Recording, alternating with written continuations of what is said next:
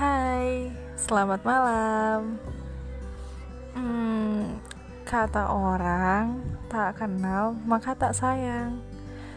Tapi kok banyak ya yang udah kenal tapi nggak bisa saling sayang. Maaf ya kalau garing. Tapi inilah aku Yosika Miranda, si gadis biasa saja yang hanya menyukai bacaan dan tulisan.